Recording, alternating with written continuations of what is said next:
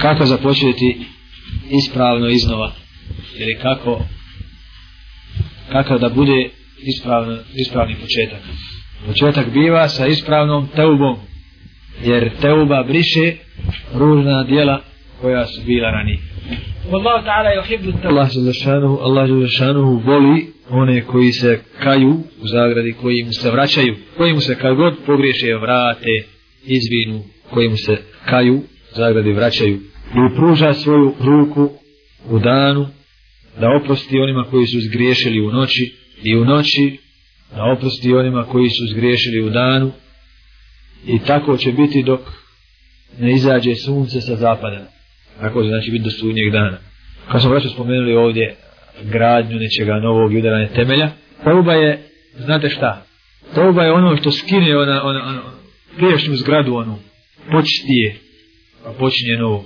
Ona stara kuća razvaljena, ne morate krajnje praviti, nego morate nju skloniti, jel?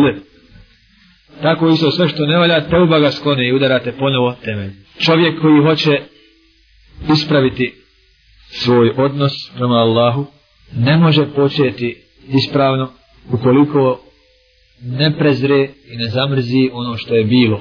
Šta to znači? Ako čovjek koji je učer činio zina, sad ga zamrzi i sa njim prekine, inša Allah, popravio je svoje stanje tu ako i dalje ga voli i mrzi i slaže se sa njim, voli ga i priznaje i slaže se sa njim, ništa popravio nije. Danas je jednog braća koji učini zina, ali smatra da je, da je to zabrajeno i mrzi. Nemu će Allah šta, oprosti. A drugi koji ga ne čini, ali kad spomeneš da neko učinio kaj pa šta fali, pa blago njemu. Šta je sa ovim? Jer ovaj se sa tim slaži. Ovaj učinio, ali se ne slaži. Vidite koliko znači odricanje od grijeha. Ne, za slaganje sa grijehom, pa makar uletio pod pritiskom zavole, pod pritiskom slabosti, pogreške, strasti i tako dalje. Zato ovdje naglašavamo šta? Da to prezrijemo, zamrzimo.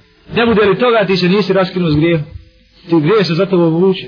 Da se sjeti svoga džahelijeta, svog života, zavljuje svog života daleko od Allahova zadovoljstva, zapište vi samo jedno, kad se sjeti svog džahelijeta, ne hvali se sa njim i ne ponosi, ne hvali se sa njim kad se pristi svog džahelijeta, ne hvali se sa njim.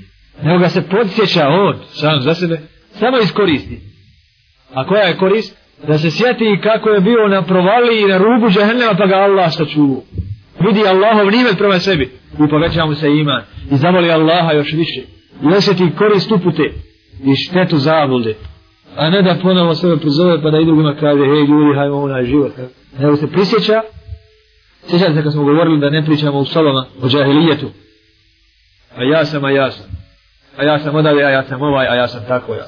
Prisjeti samo ti za sebe da vidiš gdje si bio i kud si išao. Da bi se povećala težnja za ispravnim životom. Spomenuli smo slučaj Halidu Vilda koji je rekao, nemoj da mi spominjete život prije nego sam rekao, stavio ruku poslaniku. U ruku poslanika. To nije moj život. Iako je bio vojsko, je bio živo vojsko, sad godina se rekao, o, nije to njegov život. Ima ljudi, braćo, koji ne znaju razlik između islama i džahilijeta. Ne znaju. Za njih je to jedno. Za njih ljepši džahilijet, za njih islam ružniji.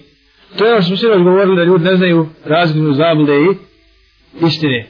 Pa kaže, ja sam 20 godina u islamu. Nije on ni se sekunde u islamu. Mora sve što je radio, klanio neke namaze, a Allah zna kakvi su, koliko je taj namaz ispravan, koliko ima svoju dušu i koliko mu je primljen i koliko je on na temelju zvanom akida zvanom akida i na principu zvanom pokornost. Znači, povjerovao sam Allah, sad to radim iz pokoravanja. I ne znam kakvog običaja. Između muđahida i muđahidske dave i dave u islamskoj zajednici. Neki dan je Rej Sulema priznao šejhu da jedina dava koja je uspjela u Bosni je dava muđahida. Proganjana i osporavana i vješana i ne znam šta nije sa nje rađeno. Međutim, Allah je upisao uspjeh